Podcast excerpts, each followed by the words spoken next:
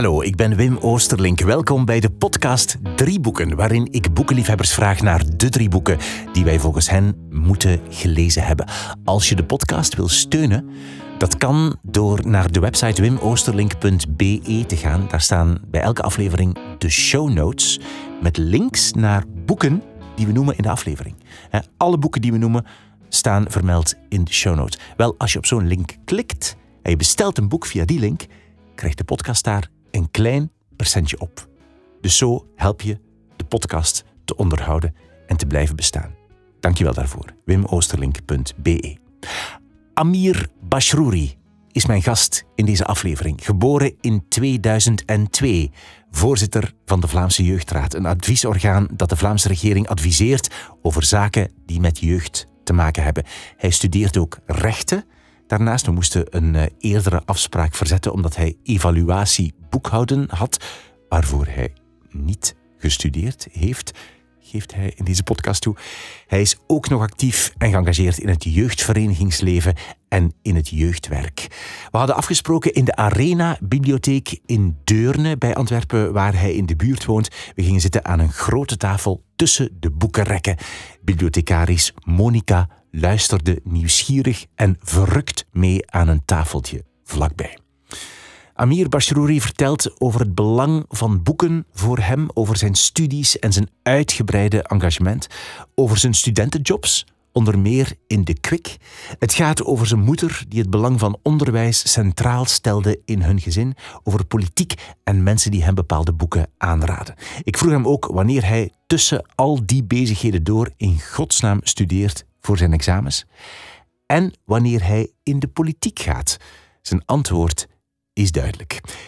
Ik zeg graag nog even dat de man die je hoort op het moment van ons gesprek 19 jaar is.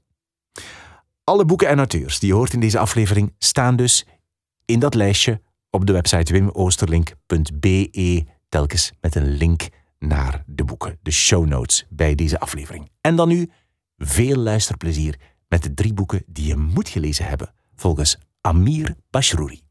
Ah, dus de Vlaamse Jeugdraad is eigenlijk het officiële adviesorgaan voor de Vlaamse regering voor alles wat met kinderen, jongeren en hun organisaties te maken heeft. Dus um, eigenlijk komt dat erop neer dat wij als beleidsorgaan, adviesorgaan, de Vlaamse regering, voorzien van adviezen over dingen die te maken hebben met het leven van kinderen en jongeren. En dan gaat dat van klimaat over gelijke kansen tot mentaal welzijn en zoveel andere actuele thema's.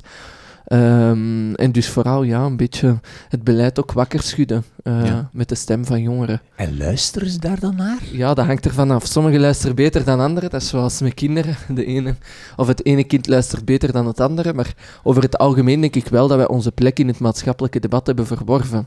Um, dus je merkt ook wel dat er in zekere zin wel animo is voor hetgeen wij te zeggen en vertellen hebben. Uh, ja, je, voelt, je, je, denkt van dat zit wel goed eigenlijk. Allee, los van dat politici zijn, zijn zoals kinderen. De ene luistert beter dan de ander. Voilà, ja. ja. Oké, ja, goed. En, en je studeert ook rechten. Rechten, ja. Hoeveelste jaar Derde bachelor nu, ja. Derde bachelor, oké, goed. En is dat, is dat combineerbaar? Want voorzitter van die Vlaamse Jeugdraad lijkt mij toch dat is toch een job, echt? Ja, dat is, het is eigenlijk officieel wel een vrijwillig engagement. Dus in principe wil dat wel zeggen dat ik niet uh, een loon of zo uitbetaald krijg of zo. Maar er komt natuurlijk heel veel bij kijken. En het is ook, ja, hoe zwaar maakt je het voor jezelf? Waar gaat je spreken? Welke podcasts doet je bijvoorbeeld? toffe, nee, het is, er zijn ook toffe tussen. Dus het heeft allemaal wel te maken met hoe dat je er zelf ook invulling geeft aan je agenda. Uh, maar ik vind het natuurlijk wel heel belangrijk om daar wel ja, je krijgt daar zoveel voor terug dat je daar ook voldoende zelf tijd en uh, moeite in steekt. Dus dat hangt ook van moment tot moment af. Als Rusland Oekraïne binnenvalt, is het misschien moeilijker dat je daar meteen de parallel kunt trekken met wat is de impact daarvan op kinderen en jongeren. Terwijl ja, als het gaat over de coronacrisis en het onderwijs, is het heel duidelijk, kinderen en jongeren worden hier getroffen. Dus dat evolueert ook en ik probeer vooral uh, te focussen op mijn studies en soms gaat dat beter dan anders. dat, is, duidelijk. we hadden eigenlijk afgesproken, maar je moest het dan verzetten voor, wacht, was het een evaluatiemoment boekhouden of zo? Ja, ik had dus uh, dinsdag een, uh, Hè, eh, dus afgelopen week een test boekhouden was dat zeker. Eh, en ik had ook eigenlijk bijna niks gevolgd van dat vak. Dus ik kwam zo aan op dat evaluatiemoment en ik wist niet, wat staat er hier? Maar ik heb economie gehad in het middelbaar. En ik heb ook boekhouden gehad toen. En nu is dat eigenlijk gewoon de basis. Dus dat is zo journaalposten debiteren en crediteren. En dat is eigenlijk wat ik allemaal in het middelbaar al heb gezien. Dus ik heb heel diep moeten graven in mijn geheugen. Uh, en ik hoop dat er toch iets van is gekomen. Het is toch gelukt of zo? Voilà, ja, ik hoop het, ja. Oké, goed. En je hebt dan tussendoor ook nog studentenjobs gedaan de afgelopen jaren in de panels in de lijst. Is, dat, is dat juist? Ja. ja. dat klopt. Ja. Dus ik heb uh, eigenlijk gewoon een beetje van alles. Ik heb ook in de Quick gewerkt, maar dat was een heel vettige, ongezonde omgeving. Dus ja, ik ging af en toe naar de Quick, maar sinds dat ik daar heb gewerkt, zal ik spoilen dat ik daar gewoon niet meer kom. Dus ik hoop dat er niet veel luisteraars zijn die vervent uh, kwikgangers zijn of zo. Um, maar ja, dat is natuurlijk wel een ervaring. Hè? Zo rekken vullen, mensen denken dan van hè, dat is heel saai en dingen. Maar het feit dat je dat zo met collega's kunt doen, uiteindelijk in de winkel spreken mensen u ook aan. En tijdens corona kwam daar dan ook nog zo'n politionele taak bijna bij. Omdat je ja, mensen moest wijzen op het dragen, correct dragen van een mondmasker. Uh, want dat was vooral dan dat ik in de winkel heb gestaan. En ja, in de panos was dat dan vooral de afwas doen. Hè. Dus ja, veel uh, spectaculair zit er niet in die Nee, maar wel veel um, ervaring op dat het veld. Dat wel, dat wel. Omdat je, allee, als je dan zo met een kapotte rug na acht uur afwassen thuis komt, denk je wel van, amai, de mensen die dit elke dag moeten doen, alle respect en sympathie voor, want ik zou het nooit kunnen. Um, dus ik vind dat wel ook zo, dat vast stramien is ook heel moeilijk om te volgen. Zo in vakanties, dat je dan soms in de lijst moesten we dan om zes uur beginnen en dat was dan tot half twee. Ja, je bent dan ook heel moe. Hè? Dus tijdens de zomervakantie, als je in de namiddag nog iets wilt doen, ja, je moet de dag erna om zes uur opstaan. Je bent dan ook heel moe. Hè? Je slaapritme past zich natuurlijk op termijn wel aan, hè? maar je keek meestal wel uit naar het einde. Maar ja, iedereen heeft geld nodig, hè, dus... Uh... Voilà. Boeken. Lees je graag? Ja, ja, dat is een manier, vind ik, om dat een beetje de wereld te ontvluchten. Ik denk dat voor veel mensen lezen een vorm van escapisme is, omdat je doorheen de dag eigenlijk met zoveel dingen bezig bent, dat het eigenlijk heel mooi is om op het einde van de dag, hè, want dat is meestal wat ik wel probeer te doen, elke dag zo net voor het slapen gaan, een half uur à drie kwartier nog iets te lezen. Um, ik lees natuurlijk in de ochtend en zo wel de kranten en zo, en doorheen de dag volg ik de actualiteit wel, maar dat is niet echt lezen. Um, dat is vooral mee zijn. En door die boeken te lezen is dat, ja, denk ik ook vooral een manier om de dag even te verwerken of zo. Omdat ik dan wel zo mijn wifi bijvoorbeeld kan uitzetten op mijn gsm, dus dan krijg je ook geen prikkels van je gsm of zo. Um, en dan is dat ook een heel welgekomen manier om even zo, zo dat gevoel te kunnen hebben van deze is nu mijn tijd en ja. de wereld gaat aan mij voorbij. Ja. Um, maar dat betekent dan ook dat je geen um, uh, non-fictie, dat je echt, dat ga je romans lezen, of niet? Ah wel, uh, ik moet zeggen dat dat is geëvolueerd. Ik lees ook op verschillende momenten verschillende soorten boeken. Um, dus vroeger las ik heel veel strips. Op een zeker moment is daar dan zo de jeugdliteratuur bijgekomen van de Dirk Brakkes enzovoort. En dan op een zeker moment werd dat vooral non-fictie, dus zo politiek-maatschappelijke boeken, van politici enerzijds, maar ook van opiniemakers enzovoort. En dan op een zeker moment werd het wel weer meer fictie. Um, maar ook hè, de, het fictiegegeven verschilt ook, want soms is dat dan ja, echt Nederlandstalige literatuur. Soms is dat dan vertaalde literatuur. Hè? Want ik heb heel veel ja, boeken gelezen van bijvoorbeeld Marokkaanse en Arabische auteurs. Hè? Zo Het Huis van de Moskee en zo. Dat zijn dan boeken die ik ook wel heel graag heb gelezen. Um, en dan verschilt dat soms. De ene keer kan het Tom Lanois zijn, en dan kan het uh, Lise Spitz zijn, en dan is het misschien Tahar Benjeloun. Dus dat is zo uiteenlopend. En soms is dat fictie, soms non-fictie. Meestal is dat nu wel boeken die vrij recent zijn uitgegeven. Dus ik lees niet meer echt zo de oude klassiekers als Multatuli en zo, want dat moesten we dan doen voor het school. En op de een of andere manier krijg je daar dan een afkeer van. Maar als je het later herleest, heb je toch zoiets van: ik ben wel dankbaar dat ik het ooit heb gelezen. Toen snapte ik er helemaal niks van. En vandaag hopelijk iets meer. Um, Dus dat verschilt ook van moment tot moment wat ik lees. Er is niet zo'n vast stramien in te krijgen van een derde is fictie, twee derde nee. non-fictie. Soms lees ik ook heel graag korte gedichten. Um, dus dat is heel uiteenlopend. Ja. Uh, Oké, goed. We gaan eens kijken naar de drie boeken die je gekozen hebt. Wat is jouw eerste boek? Het Land van Aankomst van uh, Paul Scheffer. Uh, misschien even duiden wie Paul Scheffer is voor degenen die hem niet kennen. Dat is eigenlijk een professor in Nederland, ondertussen emeritus professor, um, die ooit huisideoloog is geweest bij de Nederlandse Sociaaldemocraten, de Partij van de Arbeid daar. Um, die is nooit echt politiek actief geweest, hè, maar wel op de achtergrond mee vormgegeven aan de partij. En op een zeker moment in 2000 schrijft Paul Scheffer het multiculturele drama. En dat was dus eigenlijk een essay dat hij publiceerde in NRC Handelsblad, hè, dus een krant in Nederland, waarin dat hij eigenlijk een noodkreet slaakte over de multiculturele samenleving die in zijn ogen eigenlijk dramatisch was geworden. Uh, omdat hij voelde of merkte dat er heel weinig samenleving was. Uh, er waren vooral veel groepen in de samenleving, maar er was niet veel interpersoonlijk contact tussen die verschillende groepen. Um, en daarom dat hij toen heel scherp ook in een essay van, denk ik, vijf, zes pagina's wel heel hard heeft uitgehaald, ook naar de beleidsmakers, omdat die in zijn ogen wegkeken van de problemen. En dat was in Nederland dan het essay van het jaar. Hè. Dus dat was zo, iedereen was daarmee bezig en dat was natuurlijk over elkaars koppen lopen om verontwaardiging te schreeuwen. Terwijl er andere mensen dan weer waren die zoiets hadden van, allee, de linkerzijde komt dan toch um, tot de waarheid of, of ziet het licht dan toch.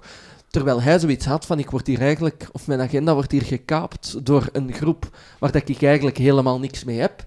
En anderzijds word ik door de groep met wie dat ik ooit mezelf vereenzelvigde, uitgespuwd. Um, dus die is dan vooral door de linkerzijde eigenlijk weggezet als extreem rechts tot rechts of weet ik wel allemaal. En dan heeft hij gezegd van, ik ga daar eigenlijk eens een groot boek over schrijven, om eigenlijk te duiden wat ik exact bedoelde. Dat heeft zeven jaar geduurd. Dan heeft hij Het Land van Aankomst geschreven, een turf, en wat mij betreft de bijbel uh, voor migratie. Um, omdat hij in dat boek eigenlijk heel goed beschrijft uh, hoe migratie in staat is om een samenleving enerzijds te verrijken, maar anderzijds ook ervoor zorgt dat bepaalde verworvenheden of bepaalde codes in de samenleving eigenlijk aan verandering worden blootgesteld of zo. Um, en daarin beschrijft hij dan bijvoorbeeld ook hoe migratie een proces is van verlies, dat eigenlijk ook altijd is geweest. Enerzijds voor de ingezetenen, en wat we hier de autochtone bevolking noemen, en de nieuwkomer, omdat de ingezetene eigenlijk zoiets heeft van ja, ik zie dat mijn wijk plots verkleurt. Decennia later komt daar dan bij dat er wordt geëist dat Zwarte Piet een roetveegpiet moet worden. Anderen hebben dan weer zoiets van, oei, ik ben nu in deze samenleving, ja, ik ben daar naartoe gemigreerd. Ik zie plots dat mijn kinderen thuiskomen met een kind van zo'n ingezetene, hè, zo interculturele huwelijken, wat dat dan wordt aangevoeld van, ja, onze kinderen die gaan dus eigenlijk mixed en gemengd zijn. Ja, allee, dus dat is eigenlijk een proces van verlies voor zowat iedereen, maar dat hij eigenlijk zegt, ja, het is wat het is en het is ook iets geweest van alle tijden en op verschillende generaties, hè, normaal gezien in drie generaties, of op drie generaties, dat hem eigenlijk zegt van, is die opslorping in de samenleving of dat opgaan in de samenleving gebeurt op drie generaties. Dat is een proces dat wat tijd nodig heeft, 50, 60 jaar, en dat hem eigenlijk ook in dat boek wel beschrijft dat door nu te kijken naar, dat is dan in 2007 gepubliceerd geweest, dus dat is al 15 jaar geleden, ehm, dat het eigenlijk wel heel traag is gegaan met de arbeidsmigranten die ooit vanuit Marokko of Turkije zijn gekomen en dat we er nog niet zijn. En wat ik vooral mooi vind aan hem, is dat hij migratie is een heel belangrijk onderwerp in onze samenleving. Integratie, inburgering, hè, het gaat daar bijna altijd over. Of dat is ook een frustratie die bij veel mensen leeft. Maar Scheffer weet dat eigenlijk meesterlijk uit te spelen door ook zelf met mensen in dialoog te gaan. Hij gaat zelf naar moskeeën, gaat zelf naar jeugdhuizen, buurthuizen, om daar met mensen waarover hij schrijft, eigenlijk hetgeen te verdedigen wat hij daar neerschrijft. En hij is ook niet vies van nuance. L'important, c'est la nuance. Dus dat is... Uh, allee, uh, zei Bel, uh, Belmondo ooit, dus dat is wel iets dat Scheffer echt incarneert. En ik vind ermee dat hij zo rationeel erover kan schrijven, zonder de emoties eigenlijk te bedwingen, maar anderzijds er ook voor zorgt dat het verhaal gewoon op het einde klopt. Ik denk dat er heel weinig mensen zijn die het boek hebben gelezen, achteraf zouden kunnen zeggen van, weet u, ik ben het daarmee oneens. Um, En dat, dat, dat, weet ik gewoon heel goed te doen voor een non-fictieboek, voor ook een heel dik boek, want het is denk ik 500 à 600 pagina's dik. Mm -hmm. toch heel goed weet uit te spelen. Waarover gaat dit? Van waar komt dit historisch? Schrijft het ook heel menselijk op, want het is ergens wel academisch. Maar heel toegankelijk voor een breder publiek. En ik denk dat iedereen die bezig is met migratie, iedereen die bezig is met onze multiculturele en diverse samenleving, want die is er, dat is ook iets wat hij beschrijft. Hè. Het is een wetmatigheid waarvan we moeten vertrekken en de bril waardoor we naar de realiteit moeten kijken, wat dan natuurlijk niet wegneemt dat als er bepaalde dingen in onze aanpak mislopen, dat we die wel moeten bijpassen en moeten corrigeren. Ehm, dus ermee, ja, ik vind dat hem heel mooie dingen neerschrijft. En, wanneer heb je dat boek gelezen, weet je nog? uh, ik denk dat het pas een jaar geleden is of zo, dat, het, dat ik er delen van heb gelezen. En dan kwam ik eens op een zeker moment mijn interview in aanraking van Scheffer, dat iemand mij dan doorstuurde. Um, en dan ben ik het boek terug actief gaan opzoeken. Had ik gevraagd van iemand om het uit te lenen. Uh, maar die persoon had daar keihard in gemarkeerd enzovoort. En ik ben geen persoon die markeert, dus mijn boeken moeten blanco, blanco, blanco blijven. Hoogstens als ik er iets uit haal, dan noteer ik dat in een apart notitieboekje, want ik vind dat bijna een verkrachting van een boek om daarin te markeren of in te onderlijnen. Um, en ja, dat ik toen zoiets had van, ja, ik raak hier niet uit. Er is roos, geel, blauw tussen. Ja, ik kan bijna de letters niet meer deftig lezen. Uh, dus ik heb dan gewoon een nieuw boek uh, besteld. Ja. iedereen heeft natuurlijk zijn eigen manier, dus ik heb daar wel respect voor. Maar uh, mijn migratiebijbel is wel mooi blanco. Ja. In. En als je zegt van ja, de Bijbel, als je dan nu, want het is, je zegt het is 17 jaar oud intussen ongeveer het boek. Um, vind je dat wat hij daar beschrijft, de problematiek die hij daar beschrijft, hè, um, dat die nog altijd relevant is? Of is daar iets gebeurd de afgelopen 17 jaar? Of is het bij ons anders dan in Nederland? Want het gaat vooral over Nederland, neem ik aan. Ah, wel, uh, hij beschrijft eigenlijk ook in het boek uh, verschillende uh, landen. Dus hij heeft het ook over het de American Dream in de Verenigde Staten, waar dat, iedereen die in Amerika geboren is, wat dat uw achtergrond ook mogen zijn, everyone is an American. Dus dat beschrijft hij, maar die maakt daar eigenlijk ook een beetje gehakt mee, omdat hij ook heel goed duidt hoe dat, dat in het verleden ook altijd niet zo is geweest, dat er in New York ook heel veel discriminatie bijvoorbeeld is. Um, Angelsaksische modellen hè, wordt dat dan genoemd. Um, en ook in Frankrijk, hè, waar dat je dan het principe van de laïcité hebt enzovoort, hè, waar dat die scheiding kerk en staat heel doctrinair of zo aanwezig is. Um, en ook een aantal dingen over België, maar ik denk dat ja, Nederlanders, die hebben wel een zekere pretentie of zo. Dus België is misschien voor hun wat klein. Uh, en ik denk wel dat het moment ik het las, wel heel vaak zoiets had van, ah, maar dat klinkt herkenbaar. Want hè, ik ben in 2002 geboren, het boek is in 2007 uitgegeven, dus dat zou eigenlijk willen zeggen dat we ja, in 2022, als je het leest, je bij heel veel dingen zoiets zou moeten hebben van, ah, dat kan ik me niks bij voorstellen, want ik was toen vijf jaar oud. Exact, of, of het is voorbij. Het is, voilà, en ik heb wel heel vaak het gevoel gehad van, oei, uh, het Nederlandse debat dat dan in 2000 gestart is geweest, is bij ons wel heel traag op gang gekomen. Uh, vanuit het rationele midden of vanuit de mensen die echt van goede wil zijn en zoiets hebben van, weten, die multicult uh, multiculturele samenleving is een feit, maar er zijn een aantal uitdagingen en struikelblokken. Er zijn mensen die zich daar niet aangetrokken toe voelen. En er zijn mensen die daar ook geen aansluiting toe vinden. En hoe zorgen we ervoor dat we die verschillende groepen eigenlijk in één samenleving achter één project krijgen? ja, daar is eigenlijk bij ons nooit een heel grondig debat over geweest. Terwijl in Nederland, die hebben een scherpe debatcultuur, die zijn ook heel assertief. Dus dat is daar ook heel gewoon, als gezegd het multiculturele drama. Ik stel me dan voor, wat als dat in Vlaanderen was uitgegeven? Hè? Want allez, in Vlaanderen is het natuurlijk hè, dat ingetogenere of zo dat ja, minder polariserende of zo, zit er misschien bij ons iets meer in, denk ik, dan in Nederland. En dat is wel wat ik toen vaststelde, van, dat een beschrijft het proces van verlies. Jongeren die vandaag in onze samenleving een biculturele achtergrond hebben, uh, die dan bijvoorbeeld geen aansluiting vinden tot, onze, tot de samenleving waar dat ze eigenlijk zijn geboren en getogen. En dat je anderzijds toch nog als je interculturele huwelijken of zo hebt, langs de ene kant ouders die zoiets hebben van, allee, je komt toch niet met een Marokkaan thuis. En langs de andere kant van, oeh, je ging toch met een moslima of met een gelovige trouwen. Dus dat is wel, dat zijn verhalen die heel herkenbaar klinken en als je dan het boek van iemand als Lalegul bijvoorbeeld leest, Ik ga leven, zij beschrijft daar eigenlijk ook een ja, worsteling hè, met vrijheid in neer, of, of ze beschrijft dat daarin.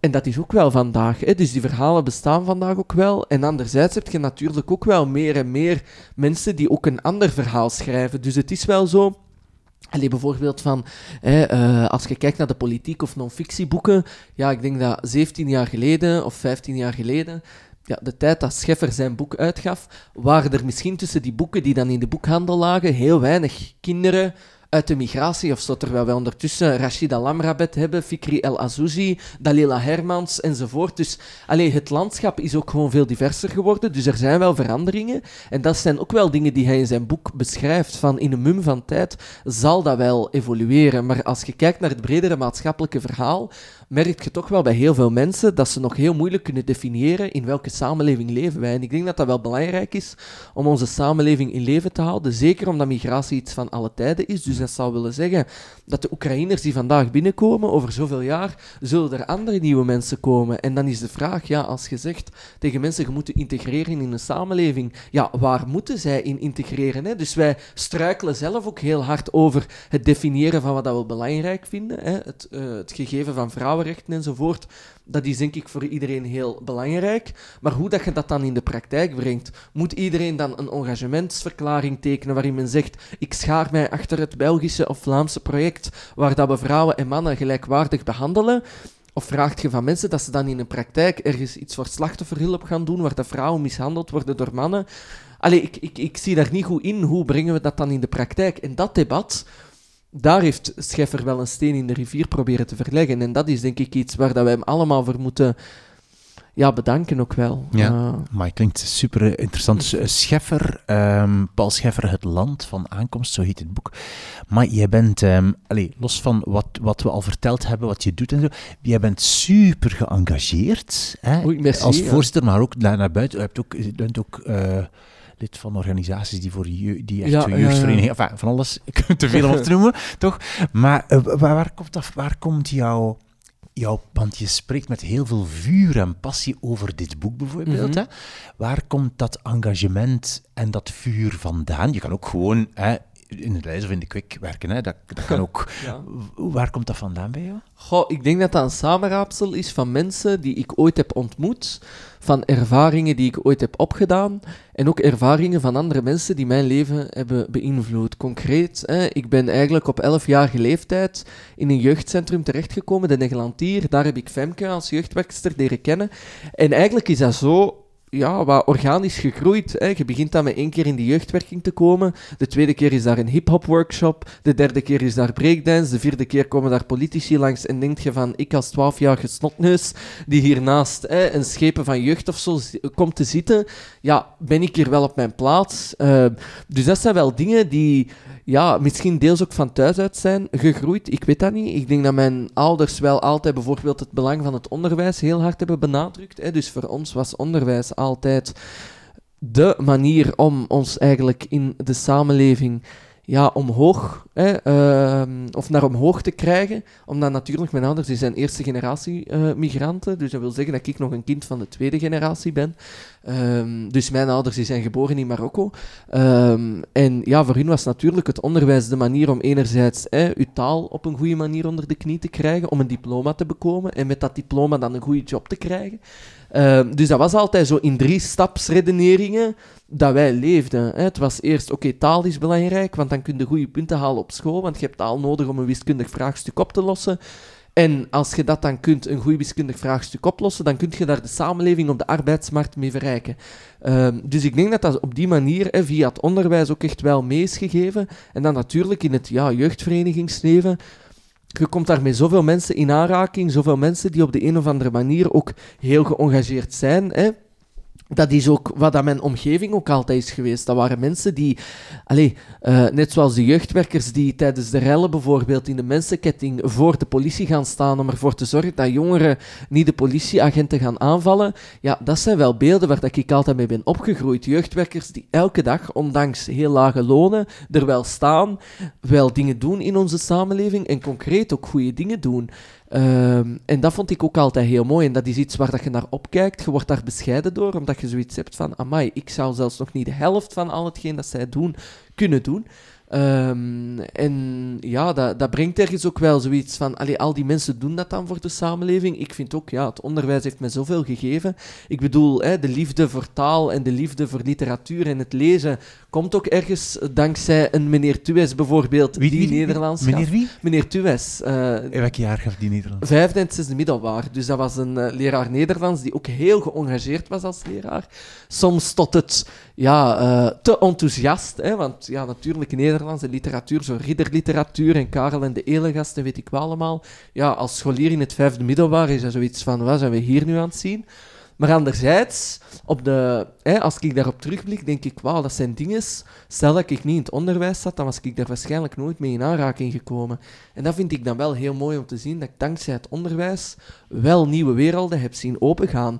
En dan is dat ergens ook een verplichting. De samenleving heeft mij een aantal dingen gegeven. Ik wil daar ook iets aan teruggeven. En vooral ook jongeren die je nog ziet struggelen en ziet struikelen, ja, die moet je ook mee helpen ja, terug aan boord te hijsen. Dus eh, Oké, goed.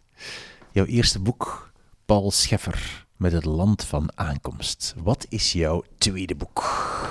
Het tweede boek is van Mohamed Choukri, Hongerjaren. Dat is een eh, vertaling uit het Arabisch. Ehm, en eh, ja, Mohamed Choukri is dus eigenlijk hè, een Marokkaanse auteur die op heel late leeftijd heeft leren lezen en schrijven. Dus dat is heel bizar misschien ergens voor een auteur, omdat je denkt van... Hè, eh, als ik denk aan een auteur, stel ik me daar iets bij voor. Dat is iemand die eigenlijk geboren is in de boeken, die op 12-jarige leeftijd zo wat thuis aankomt en zijn eerste sigaret opsteekt, ergens zo wat liggend in een stoel hangt en dan zo zit te tokkelen op zijn scherm. Hè? En dan zo een si eh, allee, sigarettengeur of zo, die dan zo in de salon hangt. Sigaretten spelen een grote rol in jouw beeld van... Ja, eh, Ik, denk, ik weet niet waarom, maar dat is zo in de boeken en zo ergens een zaklamp of zo, of een bureaulamp of zo, die er ergens zit. Ja, ik weet het niet waarom, maar dat is zo wat het beeld. Iemand met lang haar, iemand met een bril, iemand die slim is, iemand die sterk ter taal is, maar zo wat sociaal onbeholpen of zo. Wel, wat, wat een grappig en wat een duidelijk beeld ook zo. ja, ik weet niet hoe dat het komt, maar bon. Dus dat is zo wat het totaal andere, hè, want hij rookte ook toevallig, hè, dus op de cover rookt hem sigaret, ook. Hè, ja, dus, voilà, voilà. Dus het is, hè, het cliché komt van ergens, en die zat ook heel vaak op café, dus hij schreef eigenlijk ook bijna alleen op café. En dat vind ik heel bewonderenswaardig om te zien dat iemand die eigenlijk analfabeet was en eigenlijk niet kon lezen en schrijven, heeft leren lezen en schrijven, dan in staat is om eigenlijk wereldliteratuur neer te pennen. Ehm, en ja, het boek gaat dus concreet over zijn vader, die ehm, ten tijde van de Spaanse kolonisatie in Marokko, hè, want het noorden van Marokko is voor een deel gekoloniseerd geweest door de Spanjaarden. Dat was eigenlijk hè, het eh Rifijnse gedeelte van Marokko, echt dus in het noorden.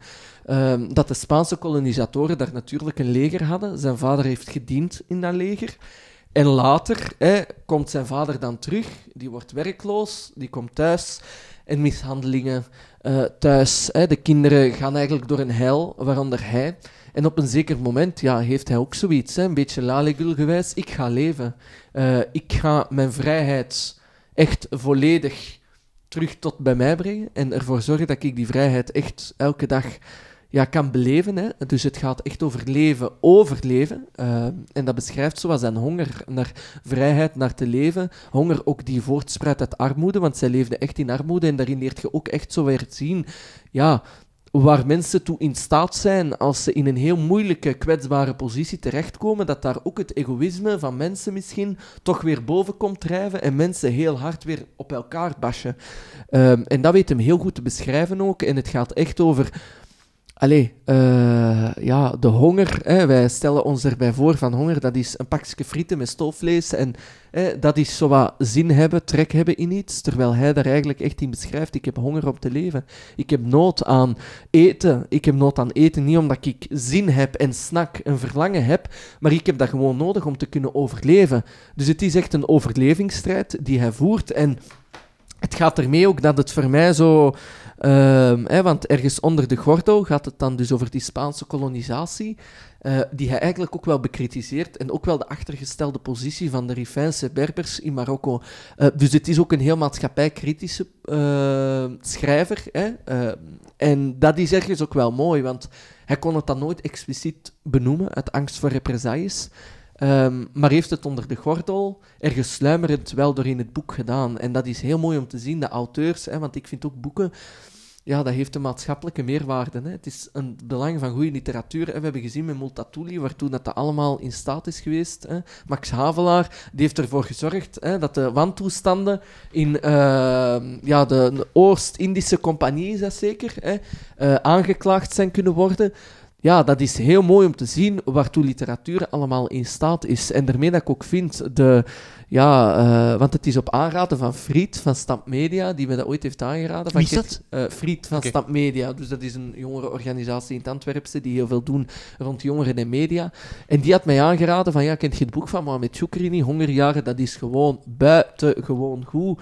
En dat ik zoiets had van, ik schaam me eigenlijk zelfs bijna dat ik die auteur zelfs niet ken. En daardoor ben ik die dan gaan opzoeken, ben ik het boek dan ook gaan kopen. En ja, eens dat je u er doorleest, ja, dat is in één ruk uitgelezen en je denkt gewoon van, wauw, wat heb ik hier gelezen? Dat is een overlevingsstrijd die zo mooi op papier staat, dat je eigenlijk elke pagina wil terugbladeren om te zien van hoe meesterlijk is dit neergepend, hoe rauw ook, hè, want het gaat over rauwe realiteiten die worden geschetst, waar dat we ons misschien niet altijd iets bij kunnen voorstellen. En het gaat ook over ja, zijn omgang met vrouwen, die niet altijd even goed is maar omdat hem natuurlijk ook wel andere prioriteiten in het leven soms heeft. Mm -hmm. ja. uh, jouw gevoel bij het boek, heeft dat te maken met het feit dat je ouders in Marokko geboren zijn? Dus met de, de, het land, heeft dat daarmee te maken ook? De, de, de link, de, het feit dat, je, dat dat zo dicht op jou zit? Ah, wel, uh, ik denk dat dat daar ergens wel hè, mee te maken heeft, omdat ik de Marokkaanse literatuur op zich wel heel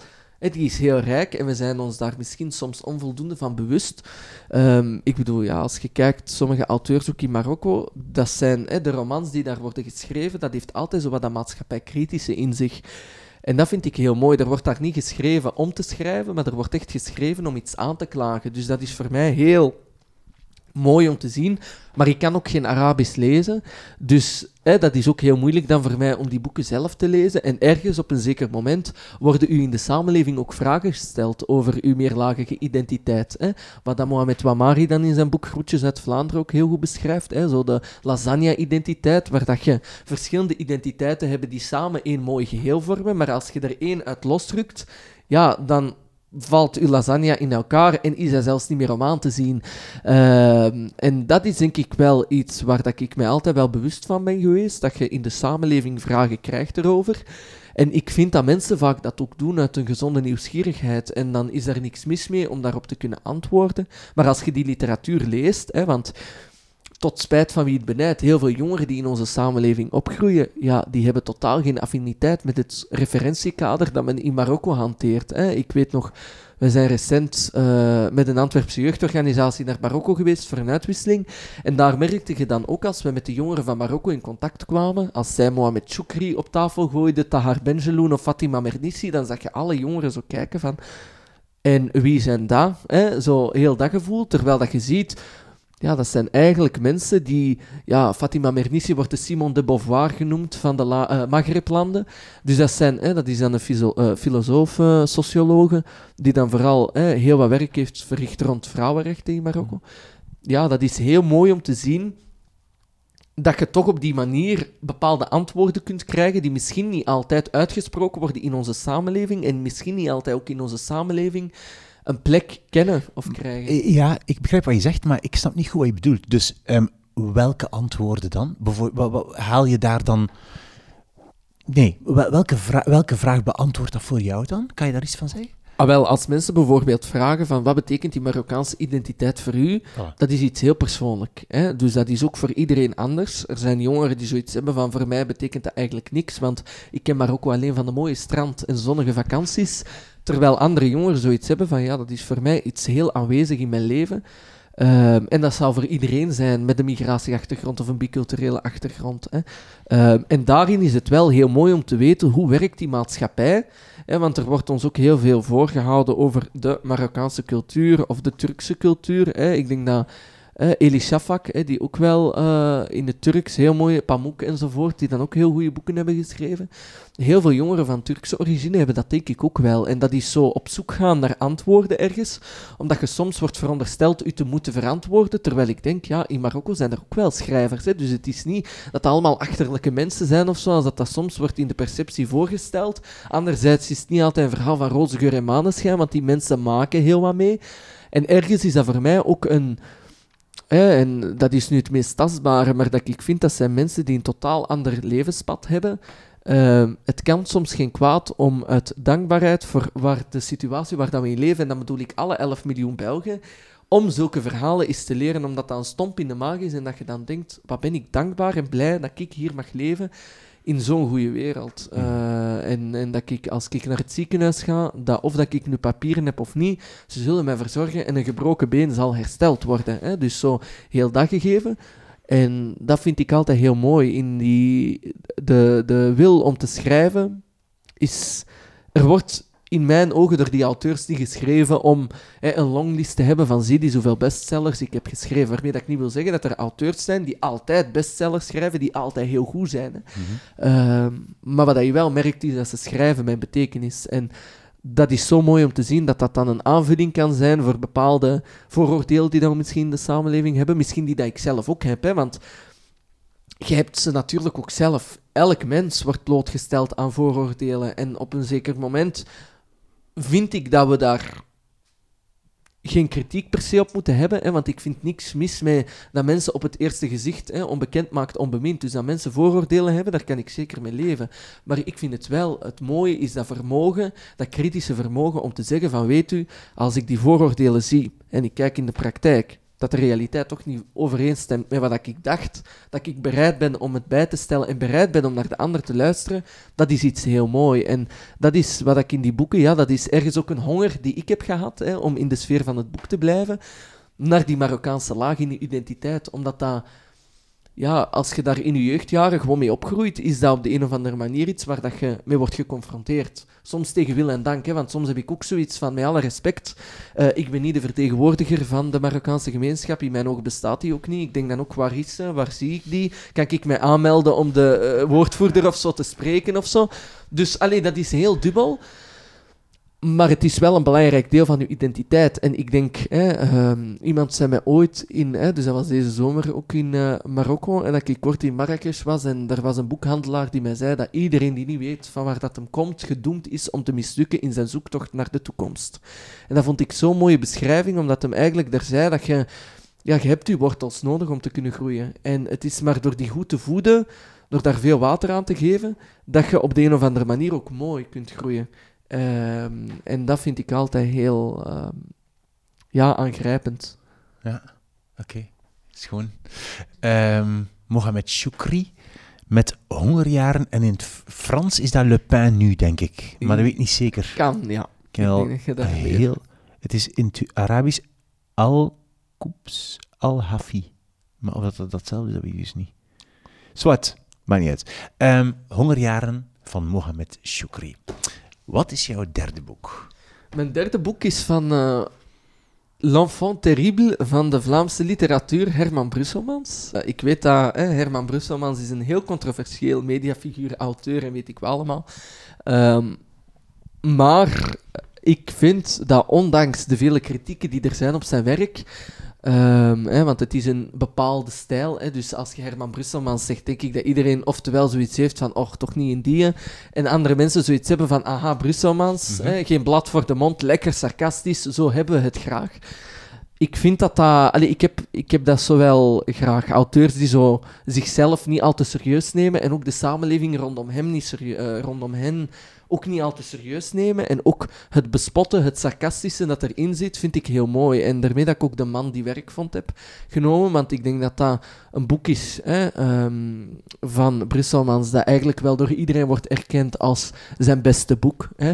Uh, veel andere boeken kunnen minder op uh, die positieve feedback rekenen, denk ik. Hè. Hoewel ik hem wel graag lees, want ik vind dat lezen, hè, wat ik zei, ik vind het heel mooi als auteurs een bepaald maatschappelijk verhaal hebben te vertellen. Maar anderzijds, ja, het leven is soms ook heel tragisch, hè, of het leven is soms ook heel zwaar. En dan is dat heel mooi om mensen als Brusselmans te hebben die dat kunnen verlichten voor u. Als puur Eh, ontspanning bedoel Voilà, je? voilà. Ja. dus ontspannend ergens. Hè, als je dan op zo'n vliegtuig zit waar dat er dan een kind is dat zit te huilen en dat je denkt van alsjeblieft, ik hoop dat het vliegtuig zo snel mogelijk landt, want ik kan zelfs niet lezen, dan is het misschien wel goed om iets als Brusselmans wat te kunnen lezen. Maar de man die werk vond, en we zitten toevallig nu ook wel in een bibliotheek, hè, dus we zitten ook volop in de omgeving van boeken, die dan ook schrijft over een bibliothecaris, Louis, ehm, wat dat ergens wel een autobiografische eh, elementen in zich draagt, omdat Brusselmans, eh, voor zover ik weet, ooit ook in een bibliotheek gewerkt zou hebben. En Louis werkt dan ook in de bibliotheek van een ministerie. Brusselmans heeft dan ook ergens bij de Rijksdienst voor Arbeidsvoorzieningen of zo in een ontspanbibliotheek of zo gewerkt. En ook daarin, hè, meesterlijk het bespelen van clichés. Hè, de bibliothecaris die eigenlijk ja, helemaal geen zin heeft in de onnuttige job, zoals hem ze dan noemt. Hè, die geen zin heeft om de telefoon op te pakken als mensen bellen. Die geen zin heeft om notas te schrijven als de werkgever hem dat vraagt. Hè. En de werkgever laat het ook betijen. Hè, dus die laat de Louis eigenlijk ook gewoon van alles doen. Ehm, en ja, volledig Brusselmansgewijs komen er natuurlijk ook vrouwen in het spel. En eh, ja, is Louis helemaal eh, van zijn melk wanneer hij het koffiemeisje ontmoet. En ja, de dagen brengt hij door door te dromen over allerlei erotische momenten die hij zou kunnen beleven met het koffiemeisje. Ehm, dus ja, dat is natuurlijk hè, eh, Brusselmans pur sang, maar het is wel een heel mooi boek dat ergens in mijn het, het hele vervelingsaspect beschrijft. Hè, want het gaat over verveling, dat is denk ik ook wel de rode draad. Hè, de man die werk vond, wat dat dan ook wel een beetje een contradictio in terminis is. Want als je het boek leest, weet je dat de man zijn werk verliest. Ehm, en dat je dan ook merkt van, oeh, de verveling die toeslaat. Ik denk dat we allemaal soms zoiets hebben van, oei, wat ik nu aan het doen ben, is dat wel zinnig. En zeker als ik dat dan persoonlijk naar mezelf reflecteer, het werk dat ik verricht moet voor mij altijd maatschappelijk relevant zijn. Ehm, dus zeker vanuit mijn engagementen, dat is ergens omdat ik vind dat ik die maatschappelijke verantwoordelijkheid en dat maatschappelijk engagement echt wil opnemen, dat ik ook vind dat het betekenis moet hebben. Het moet iets kunnen veranderen in onze samenleving, hoe idealistisch dat, ook mogen klinken, maar laat me gerust naïef zijn, denk ik dan. Anderzijds ook dat je denkt, ik wil iets voor jongeren en mensen toekoer kunnen betekenen. Ehm, en dat is denk ik ook wel, als ik mij zou vervelen in een bepaalde job, hè, dat ik ook meteen de handdoek in de ring zou gooien. Dus ik zou nooit voorzitter van de jeugdraad zijn als ik met mijn duimen zou draaien tijdens een podcast of tijdens een Zoom-meeting of tijdens een eh, gesprek met een journalist of zo, of gewoon tijdens een adviesraad die ik dan moet voorzitten, omdat dat voor mij dan volledig voorbij gaat aan hetgeen of aan de essentie van mijn engagement. Namelijk dat maatschappelijke, dat impactvolle willen creëren. En ehm, dat is waar dat hem eigenlijk wel wat ja, mee spot. Hè. Eh, ook hè, het gegeven van bullshit jobs. Eigenlijk is het een boek dat er een beetje over gaat, terwijl dat ik zeker de bibliothecaris, hè, want er lopen er hier rond in onze buurt, niet wil schofferen. Hè. Eh, want ze doen uitstekend werk. Hè. eh, en voor alle duidelijkheid, ik bedoel, als kind kwam ik ook geregeld naar de bibliotheek en dat was altijd heel mooi om die ja, gesprekken met bibliothecaris of zo te kunnen hebben. Waarom zitten we eigenlijk hier? Kom, kwam je Ah, naar die? Is dit jouw Ah, bibliotheek? wel, we zitten in de Arena-bibliotheek. Ik kwam eigenlijk vroeger naar de jeugdbib, de vertellerij in Berchem. En anders eh, de, vre de Vrede, de Nieuwe Vrede in eh, je- de waarom- Vrede je in kijkt zo Borgeraan. opzij. Ja, omdat Monica daar zit, Ah, Monica. de, bibliotheca de Bibliothecaris. En zij weet dat, want zij kent jou of zo. Ja, ik ken Monica dus eigenlijk via de Arena-bib, omdat ik hier eh, ja, vorig semester heb voorgelezen. Een aantal keren met jongeren uit het zesde leerjaar heb gesproken over boeken, taal en literatuur. En ik vond dat zo mooie momenten, eh, omdat ik ja, het verhaal van die kinderen... Eigenlijk herkende je u daar zelf ook in. Hè? Dat zijn kinderen die voor het allereerst met de school hè, naar de bibliotheek komen en die dan op een zeker moment, ja, eens dat ze hun bibkaart hier hebben aangemaakt, ik weet nog dat als wij hier zaten na te praten, dan zagen wij die kinderen hier terug in de bibliotheek komen wandelen om nog meer boeken te nemen en nog meer boeken mee naar huis te nemen. En dat waren ook kinderen die uit een heel kwetsbare positie kwamen. En dat je dan ziet, dat zijn kinderen die thuis gewoon geen boeken hebben, maar die dan wel naar de bibliotheek komen en zoiets hebben van, wat is dat hier? En dat was ook soms het gevoel dat ik had, omdat wij thuis ook wel boeken hadden, die mijn moeder hè, dan vaak eh, meekreeg, of ehm, die ons dan hè, werden gegeven enzovoort.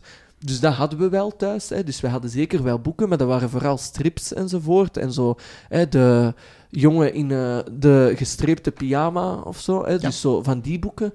Dat hadden we wel thuis liggen. Hè. Zoals ik zei, de jeugdliteratuur van de Dirk Brakkes en zo. Ehm, en daarmee dat ik zo het hele gegeven van bullshit jobs, hè, omdat dat natuurlijk wel in onze samenleving op een bepaald moment wel echt in de maatschappelijke ja, actualiteit of zo, in het maatschappelijke debat terecht is gekomen van hè, bullshit jobs, jobs die we eigenlijk uitvoeren, maar die we eigenlijk per definitie kunnen afschaffen, dat ik denk een bibliothecaris, waar dat een beetje de draak mee steekt, eigenlijk wel relevant is voor veel jongeren en kinderen, omdat ze op de een of andere manier ja, de, ja, de, gene zijn die een, ja, die eigenlijk het, het intellectuele erfgoed van onze samenleving beschermen of zo. Ja. En, en de behoeders van heel dat intellectueel erfgoed, dat is zo mooi, omdat... Maar je, geeft nu, je zegt nu heel mooie dingen die we zouden op, eh, moeten ophangen in bibliotheken, Ah, over bibliothecaris. Ah, ja, ja, ja. De behoeders van het intellectueel erfgoed, ja, prachtig. Allee, ja. eh, dus, eh allee, merci, ja. eh, eh, maar nee, dus dat is ook... eh, dat is wat ik ook bedoel. Van, eh Brusselmans is iemand die eh, in zijn geheel eigen ironische stijl Hmm. toch altijd mensen weet te irriteren. Ja. En dat mensen zoiets zeggen, ik heb dat soms ook, hè, als ik die zijn columns lees, dat ik daarna denk, what the fuck heb ik hier gelezen? Maar anderzijds denk je toch altijd, ik heb wel iets gelezen. Hè, maar, dus heb, dat is... maar heb je van hem nog andere boeken gelezen? Of, of heb je, was dit het enige boek dat je van hem... Heb je nee, wacht, mijn, mijn vraag is, heb je recent nog iets van hem gelezen, van boeken van Brusselmans? Ah, wel, dus nu, eh allee, ik moet het juist uitspreken, Teet 77 is Ah, Teet, zeker? ja, ja, ja Dus ik, ben, heb daar al stukken uit gelezen, ehm, maar het is niet zo dat ik al zijn boeken, hè, dat zijn meestal ook wel heel Maar dikke boeken, Dat kan ook niet, want allee, dat kan, Die kan, niemand ook, ja, ja. kan al zijn boeken gelezen. Ja, ja, voilà. Dus dat is ook zo wat... Dus dat is een geruststelling. Dankjewel, Wim, want ik voelde mij bijna dom. Ja, dat je niet als in boeken van Brusselmans gelezen hebt. ja. wel. Dus eh, dat is zo wat het moeilijke. Maar ehm, ik vind zeker dat hij, allee, ook in de media enzovoort, wel heel aanwezig is als figuur. En zoals dat ik zei, het, het heel gegeven rond nutteloosheid. En die vraag vind ik wel heel belangrijk, ook voor mezelf. Want het is ergens wel een confrontatie met wat je zelf doet. Het gaat over nut, over verveling. Wat ik doe, heeft dat nog zin of niet? En die vraag moet je u wel elke dag stellen, vind ik, als je aanwezig bent in dat maatschappelijke debat. En uw ultieme doel een vorm van impact is. En Mhm. dat is denk ik wel in mijn geval zo. Dus het is wel iets dat u confronteert. En ik vind dat boeken ons niet alleen hè, moeten kunnen doen ontspannen, maar ze mogen ons ook wel een spiegel voorhouden. En dat is wel wat dat met al deze boeken op de een of andere manier gebeurt. Ja, ehm, fantastisch, super, eh, super uitleg. Ehm, maar heel in het begin van ons gesprek zei je dat je graag eens een boek ter ontspanning leest, om, als e- escapisme. Hè? Maar wat je nu doet, is eigenlijk toch uit drie boeken een enorm maatschappelijk belang halen. Lees je echt soms eens een boek als escapisme? Ah wel, maar voor mij is... Goh, het, het, het moeilijke is natuurlijk dat dat er zo in zit doordrongen in mezelf, dat het eigenlijk sterker is dan mezelf. Om Eh, er iets uit te halen, bedoel je? Ja, het, het, het, vooral het maatschappelijke erin zoeken. Want ik denk ook dat elke auteur ergens... Ik denk dat er weinig auteurs zijn die schrijven om te schrijven. Eh, ik, Wim kijkt al zo van... Nee, nee, nee, nee, nee, man. Nee, nee, allee, dus... eh, Nee, nee, maar nee, laten we zeggen dat het toch een prestatie is om zelfs uit Brusselmans ehm, dit te halen, vind ik. Vind Ja, ik denk dat straf. dat wel zijn doel was. Hè, om, eh, allee, dat zou erg zijn, moest dat dan niet zijn. Eh, maar het is wel... Ja, het is moeilijk. Het is sterker dan mezelf, zoals dat ik zei. Ja, hè, maar ja. het is natuurlijk wel, hè, als je zo Louis leest en zo die ontspanning enzovoort, je probeert daar ergens wel... ehm allee, het feit dat je die dingen leest... Ik zou niet zeggen dat je meteen... Hè, er zitten ook heel wat fictieve elementen in. Hè, eh, dus het ding zo van een bibliothecaris die heel de dag zit te dagdromen over een koffiemeisje en hoe dat, dat dan allemaal beschreven staat in die scènes. Ja, ik denk nu niet meteen dat je dat elke dag in de samenleving zult vinden. Ehm, dus er zijn wel elementen in die ervoor zorgen, ah ja, dat is vrij onrealistisch. En dat zorgt er dan wel voor dat je dat meer vindt in fictie dan non-fictie. En dat leidt er ergens dan wel toe dat je dan wel die maatschappelijke druk of zo en die snelheid kunt ontvluchten. Want met dat escapisme bedoel ik vooral ook wel dat je in een rush zit. Hè? Als je in de dag begint, hè, je wordt wakker in de ochtend, hè, je leest de krant en al die dingen. Je hebt daar een vast stramien in op een zeker moment. Om acht uur s'avonds, soms later, ben je dan pas thuis. Hè, dan begint je nog wat te chatten. Soms doet je dan nog af en toe wat dingen voor het school enzovoort. En als je dan tegen twaalf uur s'nachts in je bed ligt en dan zo denkt van, eh, ik wil eigenlijk nu gewoon een moment van rust, omdat dat voor mij het meest dat is het gemakkelijkste moment om voor mezelf te kunnen zeggen: ik zet nu mijn wifi uit op mijn gsm en ik weet dat 12 uur, hè, om 12 uur in de nacht niemand mij gaat opbellen of een sms sturen, tenzij dat het hoog dringend is, maar zo vaak kom ik niet in die situaties terecht. Dan is dat wel een manier, vind ik, om op de een of andere manier te kunnen zeggen van ik kijk gewoon door het raam, hè, ik tuur gewoon naar buiten en zie wat dat daar allemaal gaande is, ondanks dat het zo donker is. Je ziet zo wat de lantaarnpalen licht geven, al die zijn deze energietijden, hè, waar dat we moeten besparen, uh, wat minder. Maar dat je toch ziet van ah, ik lees hierin en eigenlijk wat dat er nu gebeurt, of er een bom ontploft, of als er nu iets thuis gebeurt, of weet ik wat, ik zit in mijn boek en dat is mijn moment. En niemand kan me dat afnemen. Dus dat is voor mij ook zo dat moment van het ontvluchten van de maatschappelijke druk die er ergens bestaat. Want als ik zou chatten, ja, dan weet ik ongetwijfeld dat daar soms debatten uit kunnen voortkomen, dat daar ongetwijfeld misschien een artikel weer wordt doorgestuurd, dat je misschien een tweet leest en dan denkt van daar wil ik echt op reageren, of dat je dan een Twitter-draad leest waarvan je zegt heel interessant, ik zal dat lezen, terwijl dat voor mij een heel treffende en gemakkelijke manier om te zeggen is om te zeggen van schloes, nu is het gedaan en nu is het even tijd voor mezelf. Me-time, hè. Allee, dat is ook zo... Mensen doen dat dan door naar de sauna te gaan enzovoort. Sommigen combineren die sauna dan met een boek of zo, terwijl ik zoiets heb van geef mij lekker mijn bed en een goed boek en uh, ja. dan doe ik het wel. Wanneer, wanneer studeer jij voor je examens? Tijdens de blok, dus... Uh, dan hoop ik vooral dat dat voldoende is. De afgelopen twee jaar is het mij wel gelukt om dat gebouwwerk te krijgen. Maar uh, ja, nu is het wel uh, wat pittiger, denk ik. Natuurlijk, hè, doorheen het semester probeer ik wel ook die dingen te lezen, maar dat is dan ook weer al zoiets totaal anders wat je daar leest, want dat is allemaal zo, ja, oude, archaïsch taalgebruik. Hè, dus zo... Je denkt dan ook aan al die woorden, hè, zo hè, ten einde, in de dat je dan denkt, goh, dat maakt het allemaal zo moeilijker en zo zweveriger dan het eigenlijk moet zijn en kan zijn. Dus het taalgebruik van zo'n cursus hè, of van zo'n studie maakt het allemaal complexer en moeilijker. Ik denk dan ook van, allez, je zou echt 300 pagina's kunnen schrappen uit elk dik boek door gewoon talig wat dingen aan te passen. Ehm, en dat is denk ik ook wel, hè, omdat ik zelf ook columns schrijf, is dat natuurlijk ook wel iets waar dat je mee bezig bent. Hè. Het schrijven zelf dat was dan vroeger iets waar dat ik totaal niet mee bezig was, maar nu denk je soms wel, ah ja, ik ga even stilstaan bij deze zin en die zinsconstructie, omdat je dan denkt, ah, dat is stilistisch van zo'n hoog niveau, dat je denkt, hè, dat zijn parels die dat je zeker moet onthouden, omdat je ze misschien ooit kunt gebruiken in je columns. Hè. Ik heb nu bijvoorbeeld, hè, veel mensen moesten daar dan zo mee lachen, want iedereen dacht, ja, Gerard Reven is... Hè, ik hoop dat ik het uitspreek. Gerard Reven, ja. ja, dus ja, ja, wel, ja. Uh, ik weet niet waarom ik dat altijd op het Frans doe. Allee, op zijn Frans. Maar... Je had een uh, column over Reven geschreven, hè? Ja, over links en rechts. Hè. En omdat hem... Hè, dus Reven was eigenlijk eerder van rechtse signatuur. Hè, maar uh, schreef dan op een zeker moment van links respectievelijk rechts zijn enkel objectieve begrippen in de architectuur en in, de, in het verkeer. Dat was het. Uh, en heel veel mensen hadden dan zoiets van oké, dus dat wil zeggen dat Rivé nog wordt gelezen door de jonge generatie. Um, en dat ik daar ook heel vaak van verschiet door bijvoorbeeld TikTok, hè, met de BookTok enzovoort. Hè. Young adult literatuur heeft daar echt een boost gekregen. Um, ja, dat je wel ziet, heel veel jongeren lezen wel nog. Ondanks dat er vaak wel wordt gesproken van een ontlezing, wat ik wel denk dat minder boeken op papier worden gelezen.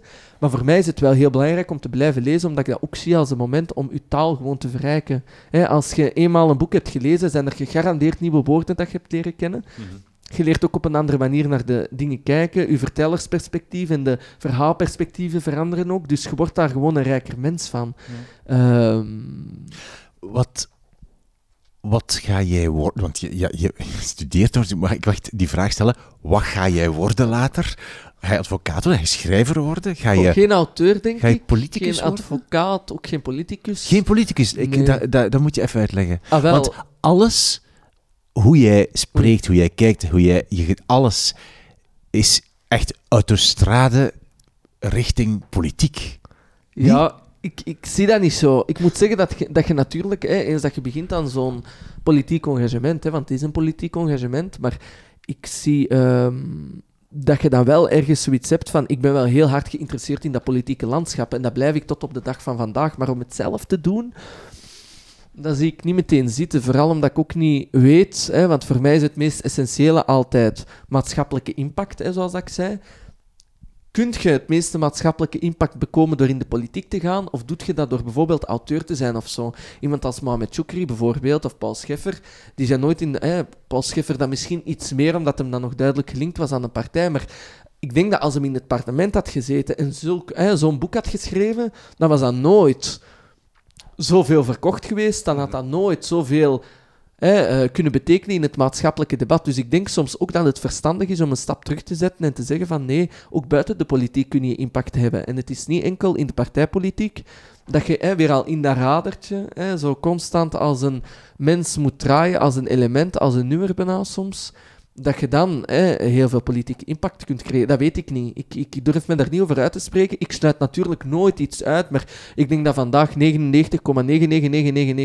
punt, punt, punt procent uh, de kans groot is dat ik het niet zou doen. Oh, dan uh, wel?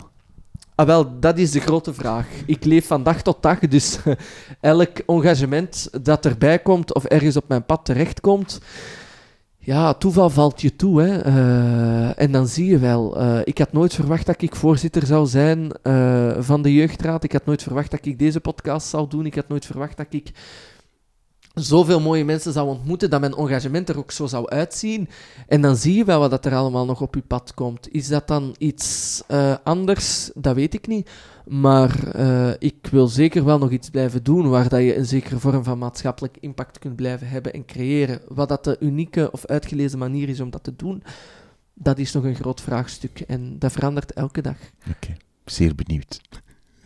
Zie. Uh, wil jij jouw drie boeken nog eens herhalen voor mij? Wat was jouw eerste boek? Het eerste boek is uh, uit de hand van Paul Scheffer, Het Land van Aankomst. Ja, twee. Het tweede boek is Hongerjaren van Mohamed Choukri. En, en tenslotte Herman Brusselmans met De Man die werk vond.